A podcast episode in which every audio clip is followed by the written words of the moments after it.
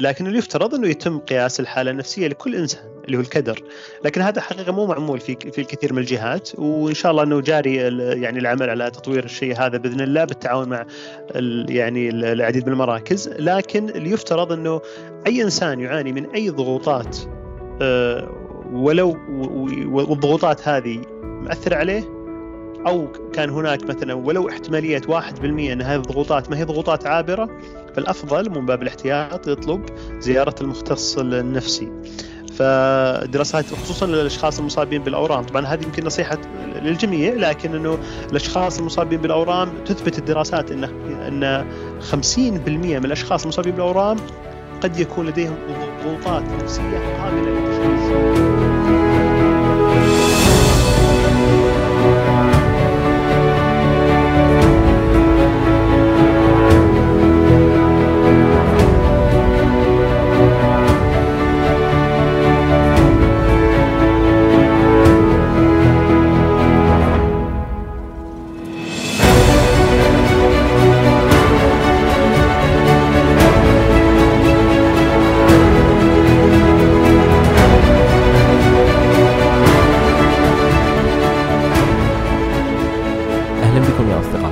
اليوم حلقتنا مع آه، استشاري الطب النفسي دكتور إبراهيم الفريح حاصل على البورد السعودي للطب النفسي وأيضا آه، حاصل على الزمالة في تخصص آه، الطب النفسي الجسدي والطب النفسي للأورام.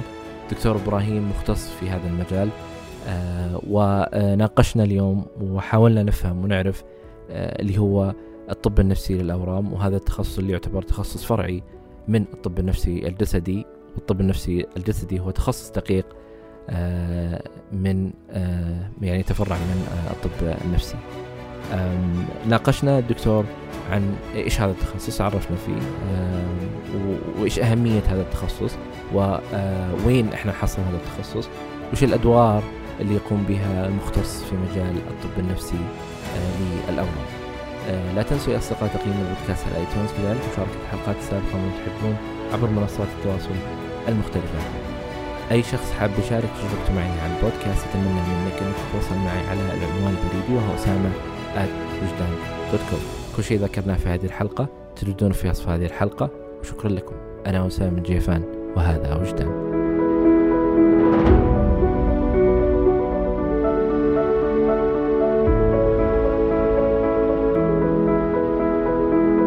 يعني ال الموضوع أيضا اللي ودنا نتناقش فيه و يمكن يعتبر شوي غريب نوعا ما. يعني أنا أتذكر الموضوع اللي بنتناقش فيه يمكن أتذكره لما كان غرابة موضوع اضطرابات الأكل وليش إنه في طبيب نفسي يتعامل مع اضطرابات الأكل. وأيضا إنه الآن لما نجي نتكلم ليش أصلا في طبيب نفسي يعني مهمته أو أو تعامله أو أو يمكن جزء كبير من من من عيادته مرتبطة ببيعات الأورام فيعني ليش هذا الارتباط أصلا من الأساس؟ آه، جميل. طبعا إحنا لما نتكلم على موضوع الطب النفسي للأورام تحديدا طبعا هو الموضوع ما هو ما هو حديث. صحيح يمكن أنا أتفق معك ان في نوع من الغرابة أحيانا إنه واحد يفكر كيف طبيب نفسي يشتغل مع الناس المصابين بالأورام لكن إنه الموضوع ما هو ما هو حديث. تقريبا يمكن تاريخ الطب النفسي للأورام إحنا نتكلم على أكثر من 100 سنة. طبعا هو بدأ يعني آه، كان بدأ تقريبا في أمريكا كندا وأوروبا تحديدا بريطانيا. وعبر العديد من السنين تطور إلى أن ظهر كممارسة كلينيكية يمكن في سبعينات القرن الماضي 1970 وبعدها هو فكرة الطب النفسي للأورام هو طبعا ليش هو أصلا موجود؟ هو موجود بناء على الحاجة الكبيرة. الحاجة الكبيرة هذه ممكن نلخصها انه هناك يعني ضغوطات آه، كثيرة متعددة ومتعدية للأشخاص المصابين بالأورام. الإصابة بالورم عادة لا تقتصر فقط يمكن على مشكلة جسدية إنه أنا أعاني من مثلا آه، ورم موجود في جسمي، الورم هذا قاعد يسبب لي آلام جسدية أو بعض المشاكل آه، في جسمي. الحقيقة يمكن حتى لو ناخذ الموضوع من من البداية يعني أصلا مجرد وقع التشخيص على الإنسان عادة طبعا هو وقع التشخيص يرتبط بمفاهيم كثيرة متعددة ترتبط بالشخص نفسه ترتبط بمفاهيم ثقافية مجتمعية وغيرها. لكن من الأمور اللي مثلا نلمسها في مجتمعنا أن وقع التشخيص أحيانا يكون أشبه ما يكون بحكم بالإعدام. كثير من الناس عندهم التصور الخاطئ انه إنه الأورام تعني إنك يعني الوفاه وهذا الكلام غير صحيح. يمكن هذا الكلام كان صحيح قبل 100 سنة لكنه الآن مع تطور الطب فنسب الشفاء جدا عالية ولله الحمد. فهناك أيضا آه، تأثير نفسي جدا كبير. أيضا هناك تبعات آه، آه، يعني طبعا الجسدية إحنا عارفين إنها واضحة. قد تكون هناك آلام قد يكون هناك مشاكل جسدية بناء على مكان الورم سواء كان في الدماغ في الرئة في أي مكان في في في الجسم.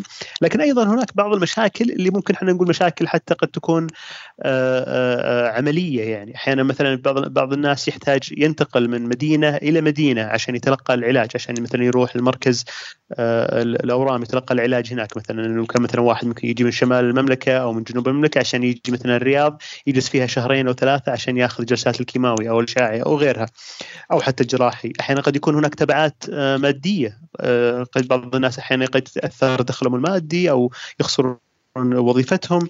آه، طبعا حتى لما نتكلم على الموضوع النفسي الأمر آه، لا يقتصر فقط على وقع التشخيص بل أيضا بناء على دراسات جدا كثيرة فالأشخاص المصابين بالأورام هم يعني نسب انتشار الاضطرابات النفسية لديهم أكبر بكثير مقارنة من آه، يعني بباقي المجتمع. على سبيل المثال مثلا نسب آه، اضطرابات الاكتئاب من اثنين إلى ثلاث أضعاف آه، بقية الناس. كذلك المشاكل مثلا إيذاء النفس أو الانتحار نفس الفكرة من من اثنين إلى ثلاث أضعاف يعني بقية المجتمع. الموضوع فعلا عميق وتأثيره جدا كبير لا على على على الإنسان نفسه لا على اسرته ولا كذلك حتى على الخطة العلاجية ككل.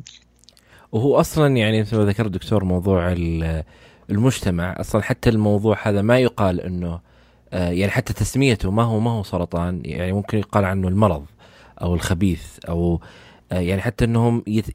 ما ما يتجرؤون حتى ذكر اسمه آه وقد لا يكون أصلا هناك في معرفة في موضوع ال ال الورم الحميد والخبيث وموضوع الاستئصال وموضوع العلاج بالعلاج الكيماوي أشياء يعني مختلفة. فأنت في العيادة الآن انت فقط ما تتعامل مع المراجع أو المريض انت تتعامل مع المجتمع والعائلة الصغيرة حتى البعيدة وهو نفسه. فهو محاط بكل هذه الأشياء وكيف انهم ممكن يأثرون عليه. يعني حتى هو لو كان ما عنده هذه الاعتقادات كيف إنه هذه البيئة اللي حوله تأثر عليه بشكل أو بآخر. أه صحيح. طبعا وأنا يمكن بس أحب أضيف كذلك أسامة أنت ذكرت بنقطه جدا مهمة. يمكن إجابتي كانت الأولى إنه قضية إنه ليش هو الطب النفسي موجود لكن لما نتكلم على من الأشخاص اللي يتعامل معهم الطبيب النفسي أو شو أدواره؟ الادوار يعني فقط تقتصر على آه، طبعا أنا أو غيري من الممارسين النفسيين المتخصصين في الرعاية النفسية لمرضى الأورام عادة آه، إحنا يعني أكيد بطبيعة الحال أكيد إننا آه، نهتم بالمريض وأسرته وكذلك أيضا من أهم الأمور قضية التواصل مع أطباء الأورام الآخرين. آه هذا الأمر يمكن حتى هو يمكن النموذج الحديث في الرعاية الصحية آه يعني يسمى الرعاية التعاضدية في النهايه إنه يكون هناك فريق كامل متعدد التخصصات من قد يكون في متخصصين نفسيين، قد يكون هناك متخ... أيضا أطباء مثلا الأورام، قد يكون هناك جراحين، قد يكون هناك أيضا آه، من ضمن الفريق آه، طبعا بالإضافة للتمريض، الأخصائي الاجتماعي، التغذية، آه، أيضا أخصائي اللي هم أو يسمون الدكاترة بعد مو أخصائي دكاترة الصيدلة ال clinical pharmacist ففي في فريق متعدد التخصصات وعادة يعنى بكل حالة آه، يعني مرضية والتواصل بينهم شيء أساسي وكذلك الدعم يعني خلينا نقول كذا الثنائي. يعني ممكن أحيانا اللي يحصل طبعا أنا حياتي بالمناسبة في مركز الأورام وليست في قسم الطب النفسي. آه، بجانبي مثلا عيادة زميلي مثلا طبيب الأورام. أحيانا وهذا يحدث كثيرا أنه مثلا ممكن زميلي يعني آه، يطق علي الباب ويكلمني يقول والله إبراهيم بس في آه، في مراجعة أنا أحتاج إنه ينشاف اليوم مثلا. هل تقدر مثلا تشوفه ولا لا؟ فهذا الأمور فهذا الأمر يعني يكفل لك نوع من الأريحية. أنا أتكلم كنظام صحي. وكذلك يمنح أيضا قدره وصول أعلى للناس المحتاجة. طبعا وأيضا هذا الأمر طبعا تم دراسته يعني بشكل مستفيض. يعني يمكن خلال 20 أو 30 سنة اللي يسمونها ال collaborative care أو الرعايه التعاضديه طبعا هي مثبتة علميا إنها تساعد كذلك أول شيء في تقليل الهدر المادي أو الاقتصادي. وهذا يمكن حتى يعني الكثير من من الأنظمة الصحية يعني تستانس تنبسط عليه لكن بالجانب الطبي برضو إحنا قاعد يزيد بالنسبة لنا حتى الفعالية ال efficacy وكذلك أيضا يزيد من قدرة وصول الأشخاص المحتاجين للخدمات الصحية. فأنت وجودك في في المركز يعني هو جزء من هذا الفريق بمعنى ليس لأن مثلا والله زميلك في في في طب الأورام يرى أنه فلان يحتاج زيارة فراح حوله ونقله من مكان لمكان أو من برج لبرج أو من عيادة لعيادة. لا لا هو من ضمن هذه الخطة العلاجية ومن ضمن هذا ال... يعني حتى ممكن إنه آه يعني أنت إذا كان مثلا ال... ال... المريض آه منوم في المستشفى قد تكون أنت من ضمن أيضا الفريق اللي يزور هذا المريض في المستشفى. مثل ما يزوره فريق التمريض مثل ما يزوره الصيدلي مثل ما يزوره اخصائيين التغذية حتى آه، بشكل رسمي أن تمارس معه هذه الخطة العلاجية. آه، صحيح. بس أتوقع الأمر يحتاج شوية تفصيل. ألا وهو هل طبعا خلينا نقول كذا السؤال المطروح هل الطبيب النفسي مثلا متخصص في الأورام يحتاج يشوف كل شخص مصاب بالأورام؟ أو هل كل شخص مصاب بالأورام لازم يشوف طبيب نفسي؟ لا. الآن آه، يمكن عادة في في الرعاية التعاضدية وطريقه يعني خلينا نقول الوصول للخدمات هي هي تكون بطريقة شيء يسمونه النظام المتدرج أو يسمونه stepped care model. نموذج تدرجي بمعنى بناء على الحاجة. فعادة الرعاية يعني الطبيعية أو العادية اللي يكون مثلا في طبيب الأورام ويكون في التمريض آه، إذا الشخص نفسه المراجع أو المصاب بالورم ما واجه أي إشكاليات ولاحظ إن الطبيب إنه ما يواجه أي إشكاليات. فتتم الرعايه بشكل عادي بدون أحيانا الحاجة حتى للطبيب النفسي أو الأخصائي النفسي أو غيرهم لكن أحيانا قد يكون بعض المراجعين يعانون من بعض المشاكل حتى لو كانت طفيفة وعابرة. فأحيانا قد تكون بعض المشاكل عابرة ربما لا تستدعي أصلا إنك تحوله للطبيب النفسي بل هم ربما هنا يبرز بشكل أساسي وكبير ادوار الأخصائيين النفسيين وادوار الأخصائيين الاجتماعيين. وهكذا كلما زادت الحاجة ربما تم إدخال يعني آه، عنصر أو فرد جديد من ضمن الخطة العلاجية. أحيانا بعض ال آه، يعني آه، بعض الأشخاص المصابين بالأورام آه، ربما بس يعني يحتاج جلسات نوع من الجلسات الداعمة عبر أخصائي نفسي أو أخصائي اجتماعي وتكون كافية بإذن واحد أحد. لكن أحيانا وهذا يمكن بناء على الدراسات اللي يشكلون 50% من مرضى الأورام قد يصلون إلى مرحلة أنهم يحتاجون الطبيب النفسي، طبعا الطبيب النفسي والطبيب والأخصائي النفسي هم هم في النهاية يشكلون فريق واحد. آه، ما هو مقصدي مثلا إنه هذا يغني عن هذا لكن لكن بناء على الحاجة لأنه مثلا على سبيل المثال الدراسات تذكر إنه مثلا في في مراكز الأورام ربما مثلا تحتاج طبيب نفسي واحد لكنك مثلا يقابله خمس أخصائيين نفسيين ليش؟ لأنه الحاجة لاخصائيين نفسيين أكبر بشكل جدا كبير آه، وهم عاده يكونون هم الركن الأساسي آه، للرعاية النفسية لمرضى الأورام. آه، وهنا وفي يعني في نقطة أيضا يمكن آه، أعتقد القياس أو السكريننج اللي ممكن يتم على بعض الاضطرابات لمرضى الأورام يختلف عن الأشخاص اللي ما عندهم آه، ورم أو مروا بهذه التجربة. فهل يكون في عندكم من هذا النوع انه والله تطلبون من أطباء الأورام إنه مقياس معين أو إنكم تتأكدون من شيء معين بحيث إنه أنت يكون عندك صحيح. وقاية أكثر من إنك آه، تنتظر شيء أو تنتظر إنه يحصل له هذا الشيء بعدين هو يجيك. جميل شكرا على السؤال هذا. طبعا آه، هو في في في مقاييس فعلا ل آه، طبعا المقاييس هذه طبعا هي تقيس شيء إحنا نسميه الكدر. الكدر هذه هي كلمة طبعا يقابلها بالإنجليزي الديسترس هي كلمة كذا عامة هي باختصار هي تجمع كل الضغوطات على مختلف آه، النواحي والأصعدة اللي يعاني منها الشخص المصاب بالورم. قد يكون مثلا ضغوطات نفسية مادية قد يكون ضغوطات اجتماعية قد يكون أحيانا أعراض جسدية مشاكل مثلا في القدرات الذهنية وقد يكون أيضا مشاكل ربما تكون مثلا وجودية وغيرها. لكن آه، طبعا ولكثرة يعني هذه المشاكل وتعددها فتم وضعها في هذه الكلمة اللي هو طبعا هو تم وضعها في بداية في بالإنجليزي بعدين ترجمت اللي هو الديسترس أو الكدر. ليش حطوها في الكلمة هذه؟ لأسباب. أول شيء إنه آه قبولها أعلى. إنه إنه في النهاية إنه قبولها من الأشخاص الآخرين أو الناس المراجعين أعلى بكثير من مثل ما أقول إنه أسميها مثلا مشكلات نفسية. من ناحية الوصمة. طبعا هالكلام هذا تقريبا خلال 20 و 30 سنة. الشيء الثاني اللي هو قضية إنه إنه آه، إنه يعطينا قدرة على القياس هذا الكدر. فالآن نتج عن هذا يمكن بعد جمع مختلف الضغوطات ووضعها في مقاييس الحين صار عندنا قدرة ان نقيسها. طبعا وهذا يمكن إجابة على سؤالك. يوجد لدينا آه، يمكن أكثر من مقياس لقياس هذا الكدر اللي هو مختلف الضغوطات اللي يعاني منها آه، مريض الأورام.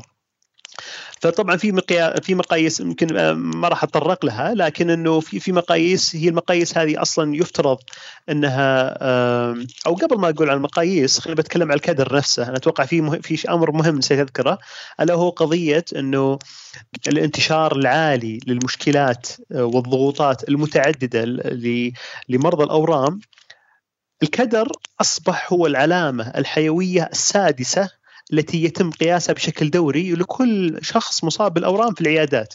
طبعا إحنا وش معنى الكلام هذا؟ إحنا الآن لما يكون عندنا اي اي, أي إنسان لو أروح أنا مثلا لأي طبيب بيتم قياس العلامات الحيوية الأربع اللي هي درجة الحرارة، التنفس، ضربات القلب وضغط الدم. العلامة الحيوية الخامسة بالنسبة لمرضى الأورام هي الألم. ياخذون فعادة دائما لما يجي الشخص المصاب يسألون عن موضوع الألم كيف الألم هل في ألم أو ما في ألم. العلامة الحيوية السادسة اللي هو هذا الكدر اللي هو مختلف الضغوطات هذه. طيب كيف يتم السؤال عنه وأخذه؟ عن طريق المقاييس هذه. طبعا المقاييس مثل ما ذكرنا أنها تشمل مشكلات آه، يعني متعددة آه، فمثل ما ذكرنا عائلية عملية جسدية عاطفية وغيرها. بعد ما يعبيها الشخص يفترض أنها تسلم طبعا للتمريض أو حتى للطبيب أو أو أو الممارس الصحي اللي موجود في العيادة. عادة يكون لكل مقياس له علامة آه، أو رقم معين. إذا تم تجاوز الرقم هذا فهذا يزيد عندنا يعني احتمالية إنه الإنسان هذا قد يعاني من مشكلة آه، تحتاج تدخل. فبناء على الضغوطات اللي كانت موجودة في في هذا المقياس يتم تحويله. يعني لو كان مثلا إنسان يواجه مثلا ضغوطات قد يكون آه، مادية أو أشياء متعلقة بالمواصلات أو غيرها يتم تحويله مثلا الاخصائي الاجتماعي. لو كان هناك أمور مثلا متعلقة بمثلا آه، أعراض جسدية مثلا آه، غثيان أو إمساك أو غيرها قد يكون هنا مثلا يتم تحويله مثلا للطب التلطيفي. أو أو مثلا إذا كان واحد إنسان يعاني مثلا من ضغوطات نفسية قد يتم تحويله مثلا للاخصائي أو الطبيب النفسي وهكذا. المقياس هذا هو ليس أنا ما أطبق المقياس هذا. المقياس يتم تطبيقه عبر مختلف التخصصات غير النفسية. ليش؟ لأنه في النهاية إحنا هدفنا من المقياس إنك توصل الإنسان هذا للعيادة النفسية. ففي مثلا في عيادتي أنا أنا ما أعطي مقياس الكدر للمراجعين لأنه ليش في النهاية؟ لأنه في النهاية إحنا أنت لا, لا يمكن مثلا تشخص الاكتئاب عبر مقياس عادة هي المقابلة العيادية والتقييم. يعني الإنسان أعمق والمشكلات النفسية أعمق من مجرد مثلا مقاييس. فالمقاييس عادة يكون مثلا يستخدم مثلا طبيب الأورام.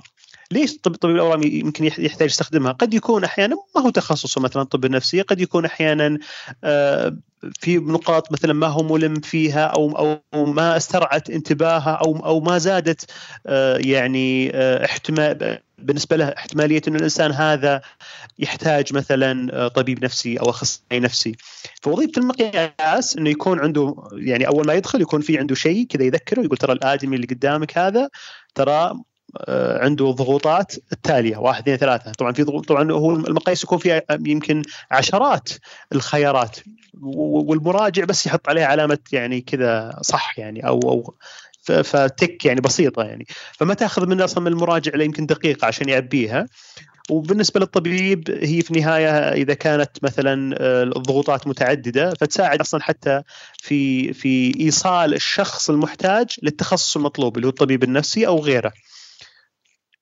لكن الطبيب النفسي أو الاخصائي النفسي ما يحتاج إنه يطبقها. عادة يعني إحنا في لما يصلني مثلا الإنسان وهو يعاني مثلا من ضغوطات عادة يعني مثل ما تعرف أسامة اللي هو قضية العيادة أو الزيارة الأولى تستغرق أكثر من 45 دقيقة عادة. 45 دقيقة هذا يمكن في في العيادات العامة لكن أحيانا حتى في الطب النفسي الاورام ربما الموضوع يمكن يأخذ وقت أطول آه، لطبيعة المشكلات. فعادة التقييم العيادي يمكن مع يعني مع أكثر من جلسة يغني عن عن المقاييس الأخرى. اي فهي للأطباء آه، غير النفسيين أطباء الأورام اللي هم على أساس يتابعون الحالة هذه آه، بحيث إنه هو يقرر انه والله هل هو يحتاج يزور أحد أو يحتاج حوله فيكون آه، متابع من ما يغفل عن هذا الجانب. يعني وهذا هو الهدف إنه ما يغفل عن هذا الجانب ويصير يتابعه بشكل مستمر. آه، طبعا آه، التخصص أو اللي إحنا يعني أو التخصص اللي مهتم بهذا الموضوع وهو يعني الطب النفسي الجسدي.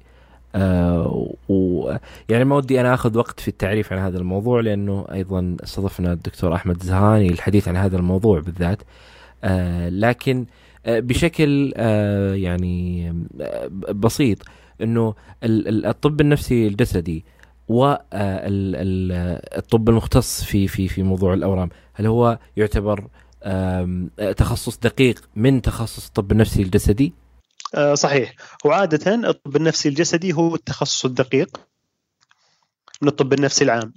والطب النفسي للأورام هو التخصص الفرعي من التخصص الدقيق اللي هو الطب النفسي الجسدي. فالتخصص هذا هو آه، مرتبط ب آه، عيادة الأورام مثل ما ذكرت أنت موجود في عيادة الأورام آه، وعملك الأساسي في في في العيادة هذه. آه، لما نجي لموضوع الأدوية في جزء مهم أنتم أيضا تدرسونه وتفهمون تفاصيله وخاصة إنه الأدوية اللي اخذها تعارضها يعني هذه التفاصيل المرتبطة بالأورام بحكم إنه الطب بشكل عام أدويته يعني لا تنتهي لكن بحكم تركيزكم على هذا هذا التخصص أنتم تكونون فاهمين أكثر من آه، غيركم من الزملاء في مواضيع في مواضيع العلاج حتى للأورام. فأنتم ما يكون فقط اهتمامكم بالموضوع النفسي لا أيضا اهتممتم بالنفسي وبالعيادة نفسها وبتخصص الأورام. صحيح. طبعا هو الأمر يمكن حتى أنا أعتقد إنه أوسع من من حتى قضية الأدوية. طبعا ينطبق على الأدوية مثل ما تفضلت أسامة هو قضية إنه يكون يعني آه، من أهم الأمور لقضية واحد يكون منتج تنتبه لقضية التعارض أحيانا ما بين مثلا العلاج الكيماوي الإشعاعي آه، والخيارات مثلا العلاجية اللي مثلا تعطى مثلا لعلاج الاكتئاب أو القلق. إن استدعت أدوية، طبعا الكثير أحيانا من الناس يتم علاجهم عن طريق مثلا الجلسات أو غيرها وما تستدعي الأدوية، لكن إن استدعت آه، فأكيد إنه يكون يعني نصب أعين الممارس الصحي قضية التعارض. الأمر الآخر كذلك اللي هو يعني آه، الورم نفسه أحيانا طبعا الأورام يعني مثل ما تعرف هي مختلفة فاحيانا مهم كذلك معرفة إنه المرض هذا آه، إيش نوعه وين مكانه مدى تطوره من عدمه وكذلك يمكن بعض الأمور اللي قد تكون مرتبطة في بعض الأورام آه، وما تكون مثلا موجودة في أورام أخرى، فهذه من الأمور اللي أحيانا آه، أعتقد إنها مهمة لدى الممارس الصحي في في عيادة الأورام. على سبيل المثال أحيانا بعض الأشخاص يعني بس عشان يمكن نعطي مثال بعض الأشخاص قد يكون مثلا عنده مثلا آه، يعني نوع من العلاج آه، اضطر إنه مثلا يعمل آه، عملية في في جسمه نتج عنها مثلا زي اللي تشوه أو جرح أو علامة في جسمه، أحيانا بعض الناس قد يعاني وهذا الأمر يكثر عند النساء، قد قد يعاني مثلا من تشوه صورة الجسد يعني لنفسه أو لذاته خصوصا مثلا عمليات استئصال الثدي أو غيرها. فأنتم داخلين في تفاصيل مختلفة مرتبطة بهذا ال ال ال يعني بهذا ال ال يعني المرض ولا ولا هو يعني ولأهمية هذا الموضوع وجد أصلا فقط تخصص آه، فرعي لمناقشة هذه القضايا. ومثل ما ذكرت إنه أهمية الموضوع هذا لما يكون هذا التعاون وهذا التكامل ما بين التخصصات آه النتيجة يعني حتى وهذا ينعكس على آه تطور ال ال الورم نفسه ومدى استجابة الشخص للعلاج مدى استجابة مدى آه، يعني تقبله أصلا للعلاج بشكل آه أو بآخر.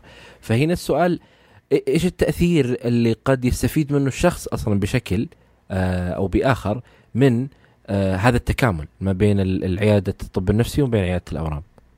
طبعا إحنا ممكن يعني آه, آه، لما ننظر لقضية آه يعني أعتقد الموضوع طبعا هو الموضوع هذا تم دراسته بتفاصيل التفاصيل فيه ومن أوجه وجوانب عدة. ففي في دراسات كانت تتكلم على قضية هل ال ال لما لما نحسن الحالة النفسية لدى الإنسان بمعزل عن أي أمور أخرى هل هذا يؤدي في النهاية إلى إلى مثلا زيادة عمر الشخص المصاب والاعمار بيد الله؟ أو يؤدي مثلا إلى إطالة مثلا مثلا رحلة العلاج أو أو أو, أو تقصيرها؟ فحقيقة الدراسات يعني فشلت في إثبات أنه فقط تحسين الحالة النفسية يساهم في هذا الأمر. في في اطاله العمر. طبعا إحنا كيف هم يقارنون؟ يقارنون إنه مثلا إنه يعني عدة أشخاص يكون عندهم نفس المعطيات نفس العوامل كلهم منتظمين على الأدوية بس أحيانا في أشخاص حالتهم النفسية سيئة وفي أشخاص آخرين حالتهم النفسية آه، تكون العكس. فوجدوا في النهاية ما في فرق كبير. لكن لو لو ناخذها في المعطيات الأخرى أحيانا اللي يصير إيش؟ إنه الحالة النفسية السيئة تؤدي بشكل غير مباشر إلى عدم القدرة على الانتظام على الخطة العلاجية. فكيف تصير؟ عادة الإنسان لما يكون يصاب مثلا بالاكتئاب وهو من أكثر الأمور الشائعة أحيانا في في رحلة يعني الشخص المصاب بالأورام الاكتئاب من اعراضه إنه قد يكون الإنسان عنده ضعف كذلك يمكن الطاقة خمول إجهاد عدم قدرة حتى يمكن الهمة قد يكون حتى بعد متأثرة عدم القدرة حتى على يعني المواصلة أو حتى الانتظام على مثلا أخذ الأدوية أو متابعة مثلا الزيارات المتكررة اللي يتطلبها أصلا العلاج علاج الورم. فهذا الأمر بالتالي إذا الإنسان ما قدر ما قدر ينتظم على الخطة العلاجية بالتالي سيؤثر على آه، آه، تطور المرض وتفاقم الحالة المرضية وبالتالي ربما يؤدي إلى ما لا يحمد عقباه فمن جانب مباشر الدراسات لم تثبت أنه الحالة الصحية ممكن تساهم في إطالة العمر لكن من جانب غير مباشر الاكتئاب أو الحالة الصحية الحالة النفسية بشكل عام ربما أحيانا آه، تؤثر بشكل آه، سيء. هذا هذا يعني آه، نقطة، الأمر الآخر الدراسات كذلك أثبتت أنه الصحة النفسية بشكل عام الاهتمام بالصحة النفسية لدى الاشخاص المصابين بالأورام تؤدي بشكل كبير إلى تحسن جودة الحياة لدى الأشخاص المصابين، جودة الحياة هذه تشمل إنه ارتفاع في المزاج، تحسن في النوم، الألم مثل الألم الجسدي لدى بعض الأشخاص قد تكون أقل آه، وغيرها. وكذلك أيضا آه، يعني والأمر الثالث اللي هو قضية اللي هو الأعراض الجانبية للعلاجات، فاحيانا يعني آه، يكثر إنه قد يكون بعض الناس يعاني من مشاكل مثلا الغثيان أو التطريش وانت بكرامة والسامعين. مع بعض العلاجات الكيماوية على سبيل المثال فالدراسات تثبت إنه حتى العلاجات النفسية سواء كانت كأدوية أو كجلسات آه، علاجية تساهم بشكل كبير في تخفيف الأعراض الجانبية للعلاجات. فأنا أعتقد يمكن هذه يمكن ثلاث أهم عوامل يمكن إحنا نتكلم عنها في قضية الرعاية النفسية والحالة النفسية لدى الشخص المصاب بالورم. آه, آه، طيب ال ال الآن آه، كشخص زار العياده عيادة الأورام هل فيه وقت معين يفضل انه والله يزور فيه الطبيب النفسي في في في بداية في مرحلة أو هو يعتمد على حالته أو هو يعتمد على طبيب الأورام أو هو يعتمد على الطبيب النفسي إنه يقرر مثلا إذا في في حلقة نقاش مع الأطباء أو في رؤيته للملف أو كيف كيف تبدأ هذه العلاقة؟ طبعا اللي يفترض اللي يفترض إنه أنا أعتقد إنه يعني هذا اللي يفترض لكن للأسف ما هو معمول يعني في الكثير من الجهات. لكن اللي يفترض إنه يتم قياس الحالة النفسية لكل إنسان اللي هو الكدر. لكن هذا حقيقة مو معمول في في الكثير من الجهات وإن شاء الله إنه جاري يعني العمل على تطوير الشيء هذا بإذن الله بالتعاون مع يعني العديد من المراكز. لكن اللي يفترض إنه أي إنسان يعاني من أي ضغوطات آه، ولو والضغوطات هذه مأثرة عليه أو كان هناك مثلا ولو احتمالية 1% إن هذه الضغوطات ما هي ضغوطات عابرة فالأفضل من باب الاحتياط يطلب زيارة المختص النفسي. فدراسات خصوصا للأشخاص المصابين بالأورام طبعا هذه يمكن نصيحة للجميع لكن إنه الأشخاص المصابين بالأورام تثبت الدراسات ان إن 50% من الأشخاص المصابين بالأورام قد يكون لديهم ضغوطات نفسية قابلة للتشخيص. قد تكون مثلا اضطرابات التكيف قد تكون مشاكل ارق قد تكون اضطرابات اكتئاب قد تكون قلق أو غيرها.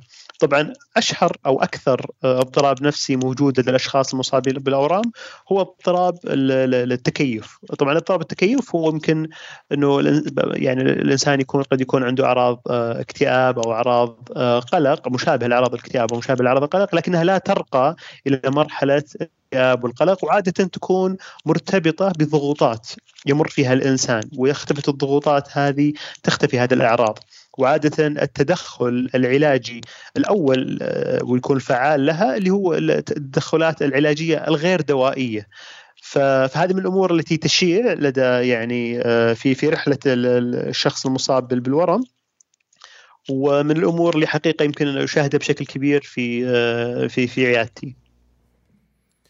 فهو في في هذا ال ال يعني ال الارتباط اللي يعني إحنا لما نتكلم عنه لما نتكلم عن عيادة الأورام لما نتكلم عن العيادة النفسية وأهمية هذا التكامل في آه، مثل ما ذكرت الدكتور إنه في تحسين جودة الحياة في آه، تقبل العلاج في في مراحل مختلفة حتى إنه وتعتبر يمكن شوي هذه المرحلة أطول من غيرها من المراحل في بعض الحالات حتى إنه يطلع منها بشكل بشكل على حسب طبعا الحالة لكنه بشكل كامل وبشكل بسيط وحتى بشكل يعتبر آه، زادت في نسبة آه، يعني تخلصه من من هذا آه، الورم.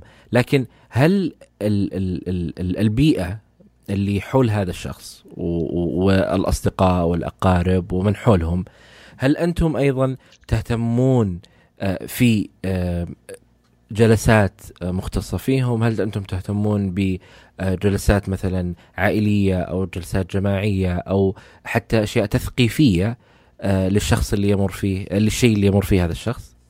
آه جميل. الإجابة على ذلك نعم.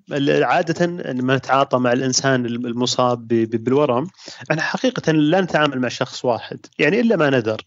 لكن الأصل أن نتعامل مع الأسرة ككل. آه، طبعا في النهاية هذا الأمر يتم طبعا برضا وبإذن وبموافقة من الشخص المصاب. إذا لم يرضى ولم يأذن ولم يوافق بطبيعة الحال هذا الشيء أكيد سيتم احترامه. لكن إنه آه، لما يكون هناك آه، عادة لما يكون شخص هناك مصاب بورم قد يكون هناك أيضا أعضاء في الأسرة أو أقارب له ممكن متأثرين ابن بنت أو ابنة أخ أخت زوج زوجة وهكذا. فربما أحيانا يتطلب نوع من الجلسات قد تكون الجلسات ثنائية أحيانا قد تكون يعني أشبه ما تكون بجلسة من نوع اللي هو كأنه علاجي للأسرة. آه، طبعا يعتمد على طبيعة طبيعة الوضع وطبيعة المشكلة وتفاصيلها لكن إنه في النهاية آه، إحنا في النهاية يجب إن الإنسان يتعامل أو الطبيب النفسي الممارس النفسي يتعامل مع الأسرة وينظر إلى جانب الأسرة. الأسرة لأن دور الأسرة حقيقة آه، كبير جدا آه، آه، يعني لدى بعض الأشخاص طبعا هو يعتمد وهناك في أكيد إنه في تمايز لكنه يعني بحكم طبيعة مجتمعنا وكذلك تأثير الأسرة والدعم اللي عادة يكون كبير من أفراد الأسرة فتأثيرهم جدا كبير كذلك في العملية العلاجية وفي رفع أحيانا كذلك من المعنويات ومساعدة الشخص المصاب بالورم. آه طيب آه، ال ال هل الآن الشخص بعد آه يعني هل في حالات أنتم تمر عليكم الشخص هذا آه، مثلا آه، مر بمرحلة العلاجية مثلا كان الحل هو الاستئصال أو العلاج الكيماوي والحمد لله أموره كانت تمام بعد كل هالمرحله الطويلة جدا هل في ناس يجونكم بعد ما يخلصون من كل هذه الأشياء ويبدأون إنه يطلبون يعني الزيارة والاستشارة بعد نهاية كل هذه الرحلة؟ ممكن يصير. طبعا أنا سؤالك ذكرني بيمكن نقطة أنا أعتقد إنها مهمة كذلك ذكرها اللي هو قضية رحلة يعني الشخص المصاب بالورم وبعض الجوانب اللي اعتقد إنه مهم ذكرها. إحنا لما نتكلم أصلا حتى على رحلة وأنا بإذن الله راح أجاوب على سؤالك ما راح أنسى، لكن لما نتكلم على رحلة الشخص المصاب بالورم إحنا تقريبا إحنا نتكلم على يمكن ثلاثة أو أربع يمكن كذا نقاط أساسية أو مراحل أساسية. فالمرحلة الأولى هي مرحلة التشخيص إنه الإنسان لما يتلقى التشخيص بالإصابة بالورم ايا كان نوعه طبعا وهذا اللي يمكن وقع التشخيص يحمل يعني الكثير من الضغوطات لكن أنا أعتقد أن العلامة الأساسية أو السمة الأساسية لهذه المرحلة هو هو الحيرة واللا يقين أو عدم اليقين قد يكون هناك آه، عدم يقين مرتبط ب أو طبعا حتى ما قبل التشخيص ربما هذا الأمر يكون موجود إيش اللي فيني أنا؟ إيش اللي إيش الأعراض هذه الموجودة عندي أو الأعراض الغريبة هذه مر فيها وحتى لما يتم التشخيص طيب هل هل الورم اللي فيني هذا هل هو آه، خبيث أو حميد؟ يعني لو لو صحت التسمية يعني لكن إنه هل ال ال هل هو قابل للعلاج ولا مو قابل للعلاج؟ طيب اذا إذا بي بي بيتم علاجه إيش نوع العلاج؟ هل العلاج كيماوي إشعاعي جراحي؟ هل هل أنا بقدر أتحمل العلاج؟ كيف أعراضه الجانبية؟ وغيرها من التفاصيل كيف راح يصير مثلا في آه، مثلا في في أسرتي في مثلا إذا كان أب أو أم أطفالي في عملي في مصدر دخلي ففي تساؤلات كبيرة وفي حيرة وعدم يقين مرتبط بهذه المرحلة وهذه تشكل واحدة من الضغوطات الكبيرة في هذه المرحلة. المرحلة الثانية عادة اللي تكون بعد بداية العلاج بغض النظر آه، عن نوع العلاج سواء كيماوي اشعاعي هرموني أو غيره. فالمرحلة الثانية عادة يكون يمكن كثير من الناس والأقارب أو الأصدقاء ملتفين حول الشخص لدعمه. آه، قد تكون هناك مواعيد كثيرة ومتقاربة مثلا للعلاجات والمتابعات الطبية. قد يكون الإنسان برضو مركز ويعني وحاط كل حيل في قضية آه، القدرة بس على تقبل العلاج. إيه، في المرحلة الثانية اللي هو قضية إنه الانسان يكون مشغول بمقاومة الأعراض الجانبية وتحملها وتجاوزها. المرحلة الثالثة تكون لما ينتهي الإنسان من العلاج. وهذا اللي راح يكون يمكن إجابة السؤال اللي طرحته أنت. فلما ينتهي عادة الإنسان من العلاج إيش اللي يصير؟ يبدو الناس مثلا حول الإنسان خلاص الحمد لله انتهى العلاج وتم آه، يعني الحمد لله تجاوز المرحلة الخطرة وكل شيء الحمد لله آه، ممتاز. فيبدأ الإنسان الناس يعني ينفكون شيئا فشيئا ويبتعدون عن الإنسان المصاب المواعيد كذلك تبدأ تبتعد الحمد لله كل كل شيء تمام. والإنسان يعني قد يكون تم علاجه بشكل آه، فيبدأ الإنسان يتأمل في في رحلته وفي في, في الوقت الذي مضى سواء كان سنوات أو شهور إيش الأشياء اللي تغيرت في حياتي إيش اللي تغير قد يكون مثلا في جسمي إيش اللي تغير في علاقاتي إيش اللي تغير في مثلا عملي وضعي الاجتماعي وغيرها. وهذه يمكن من الأمور اللي أحيانا قد ترتبط ب أحيانا يعني النمو ما بعد الصدمات لأنه لأنه وقع المر... وقع الورم والتجربة اللي مر فيها الإنسان هي هي صدمة بحد ذاتها. والصدمات عادة تشكل أحيانا قد يكون لها جوانب صحيح قد يكون لها جوانب سلبية لكن قد يكون لها جوانب إيجابية أحيانا. وهناك بعض يعني دراسات تشير إلى إلى شيء يسمى النمو ما بعد الصدمة. وهذه يمكن من الأمور حتى اللي اللي يكون فيها الإنسان أحيانا آه يعني آه تغير أحيانا من بعض الأفكار لدى الشخص وطريقة تفكيره ونظرته للحياة ونظرته لنفسه وقد يكون فيها إعادة ترتيب لبعض الأولويات وغيرها. وأيضا التأمل أحيانا في في واقع ما جرى آه، قد يكون سمة هذه المرحلة. وللمفارقة أن الدراسات تشير أن حتى بعد انتهاء العلاج تظل نسب الاكتئاب مرتفعة إلى حتى خمس سنوات.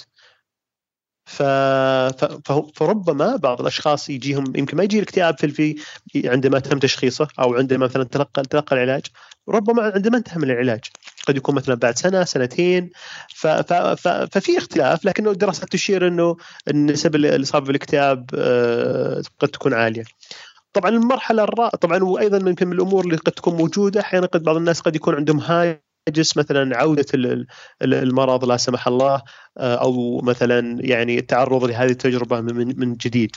فكره أنه المراحل اللي يمر فيها الشخص هذه وممكن أنه بعد ما ينتهي من هذه الرحلة كاملة آه، تبدأ عنده آه، يعني تذكرت النقطة هذه لما ذكرت موضوع النمو بعد الصدمه كيف إنه ممكن يبدأ يعيش نفس ال ال ال الكابوس اللي كان يمر فيه يبدأ تبدأ تظهر عليه بعض الأعراض بالرغم إنه انتهى من هذه المرحلة.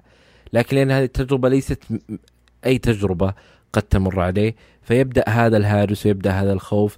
أيضا في عنده لا الخوف المختلف إنه والله هذا الأمر ممكن يكون آه، وراثي أو أنا أنقله لأحد أو يعني التفاصيل هذه اللي بعد كل هذه الرحلة لا يزال عنده هال يعني الهاجس لا يزال عنده هذا الخوف يمكن بشكل أو بآخر برغم إنه انتهى من كل شيء. صحيح صحيح وهذا الهاجس أحيانا لما يكون مثلا القلق آه، طبعا هو هو قد يكون هاجس أحيانا عابر ويروح أحيانا بعض الناس قد يكون حتى عندهم قلق بسيط يروح لكن إذا كان قلق شديد أدى إلى أنه يأثر على حياة الإنسان أنا أعتقد أنه يعني يستحق أنه الإنسان آه، يطلب المساعدة من المختص النفسي. آه، طيب الآن أنا كشخص أعيش مع أحد الأشخاص اللي هو يعني يتعايش مع ورم ولديه هذه الرحلة الكاملة يعني. هل في علامات أنا ممكن أعرف آه، إذا آه، بودي إنه أنصحه باستشارة الطبيب والمختص النفسي أو زيارة العيادة النفسية آه، كشخص أنا؟ لأنه أنا جالس أحاول باللي أقدر عليه بس ما أعرف إذا هل هو يحتاج أو لا. هل في أشياء أو علامات أنا كشخص ممكن إني أعرفها؟ جميل. طبعا أنا أعتقد من أهم الأمور يمكن إحنا لما نتكلم على آه، شخص مثلا لما يكون الإنسان مثلا له قريب أو صديق أو أو شخص يعني آه، قريب منه مصاب بالورم أنا أعتقد من اهم الأمور اللي يجب يعني مراعاتها اللي هو قضية إعطاء مساحة خاصة. يعني تكفل الإنسان الشخص المصاب نوع من الأريحية في التعاطي مع مختلف الضغوطات اللي هو يمر فيها. على سبيل المثال إنه مثلا إذا هو مثلا حاب يتكلم عن بعض الأمور اللي يواجهها فهو عنده المساحة الكافية، إذا هو حاب ما يتكلم برضه هو عنده نفس المساحة الكافية، فبس في نفس الوقت نكون أحيانا يعني آه، موجودين متى ما احتاجنا بدون مثلا إلحاح بدون مثلا آه، مضايقة قد أحيانا تسبب مشاكل لدى بعض الأشخاص. الأمر الآخر اللي هو قضية إنه طبعا وهذا الأمر كذلك يتطلب نوع من المرونة والتفهم وأنا اعتقد يمكن هي هذا أهم وأساس يمكن الموضوع آه، كله. لكن أيضا الأمر الآخر اللي هو قضية إنه يعني آه، إحنا لما نتكلم على العلامات يعني أو المشاكل اللي ممكن تدفع الإنسان المصاب بالورم إنه يحتاج الطبيب النفسي هي حقيقة ربما لا تختلف عن العلامات اللي لدى ممكن تجي عند أي إنسان سواء علامات الاكتئاب أو علامات القلق أو غيرها وأنا ما راح أفصل فيها.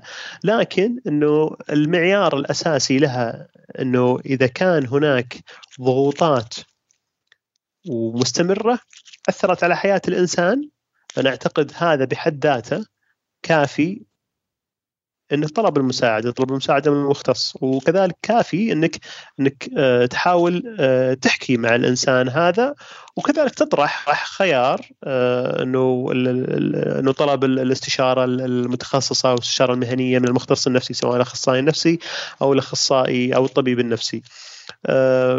أيضا النقطه الأخرى اللي كثير من الناس أحيانا ما يكون مثلا في المركز اللي يتابع فيه طبيب نفسي أو مثلا أخصائي نفسي ف أو يمكن مثلا ما يدري إذا هو في فيه أو ما فيه فأنا أعتقد من أهم الأمور كذلك التحدث بطبيب الأورام اللي هو راح يكون هو يمكن أساس الخطة العلاجية ككل وهو اللاعب الأساسي في قضية تحويل الإنسان للمتخصص النفسي فالتحدث له وشوف وش الخيارات الموجودة في في في المركز بناء على يعني وين وين المركز اللي آه، اللي يتابع معه.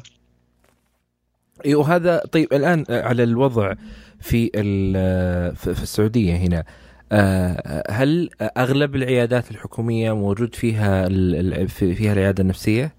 المراكز مراكز الأورام اي والله حسب علمي لا آه في آه طيب في المستشفيات هل يكون في تعاون ما بين العيادتين بشكل رسمي يعني؟ اي هو عادة إيش اللي يصير؟ آه هو ما يكون مثلا فيه قد يكون مثلا في عيادة طبيب نفسي في مركز الأورام كطب النفسي للأورام.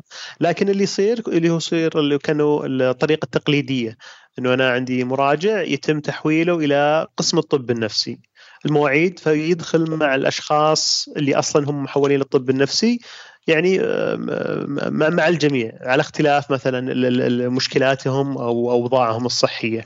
وهذا الأمر يمكن أعتقد أنه قد يشكل نوع من العائق لدى الأشخاص اللي يعانون من الأورام لأن في النهاية هم يتطلبون نوع من التعامل المختلف كذلك آه، قد يكون هناك إشكالية أصلا انه بعض الناس يقول أنا ما أدري العيادات الطب يعني لأن قد تكون في مكان آه، جديد لكنك لما تجمع كل الخدمات المقدمة للشخص اللي يعاني من الأورام في مكان واحد هذا أيضا قد يسهل عليه الوصول للخدمات المطلوبة.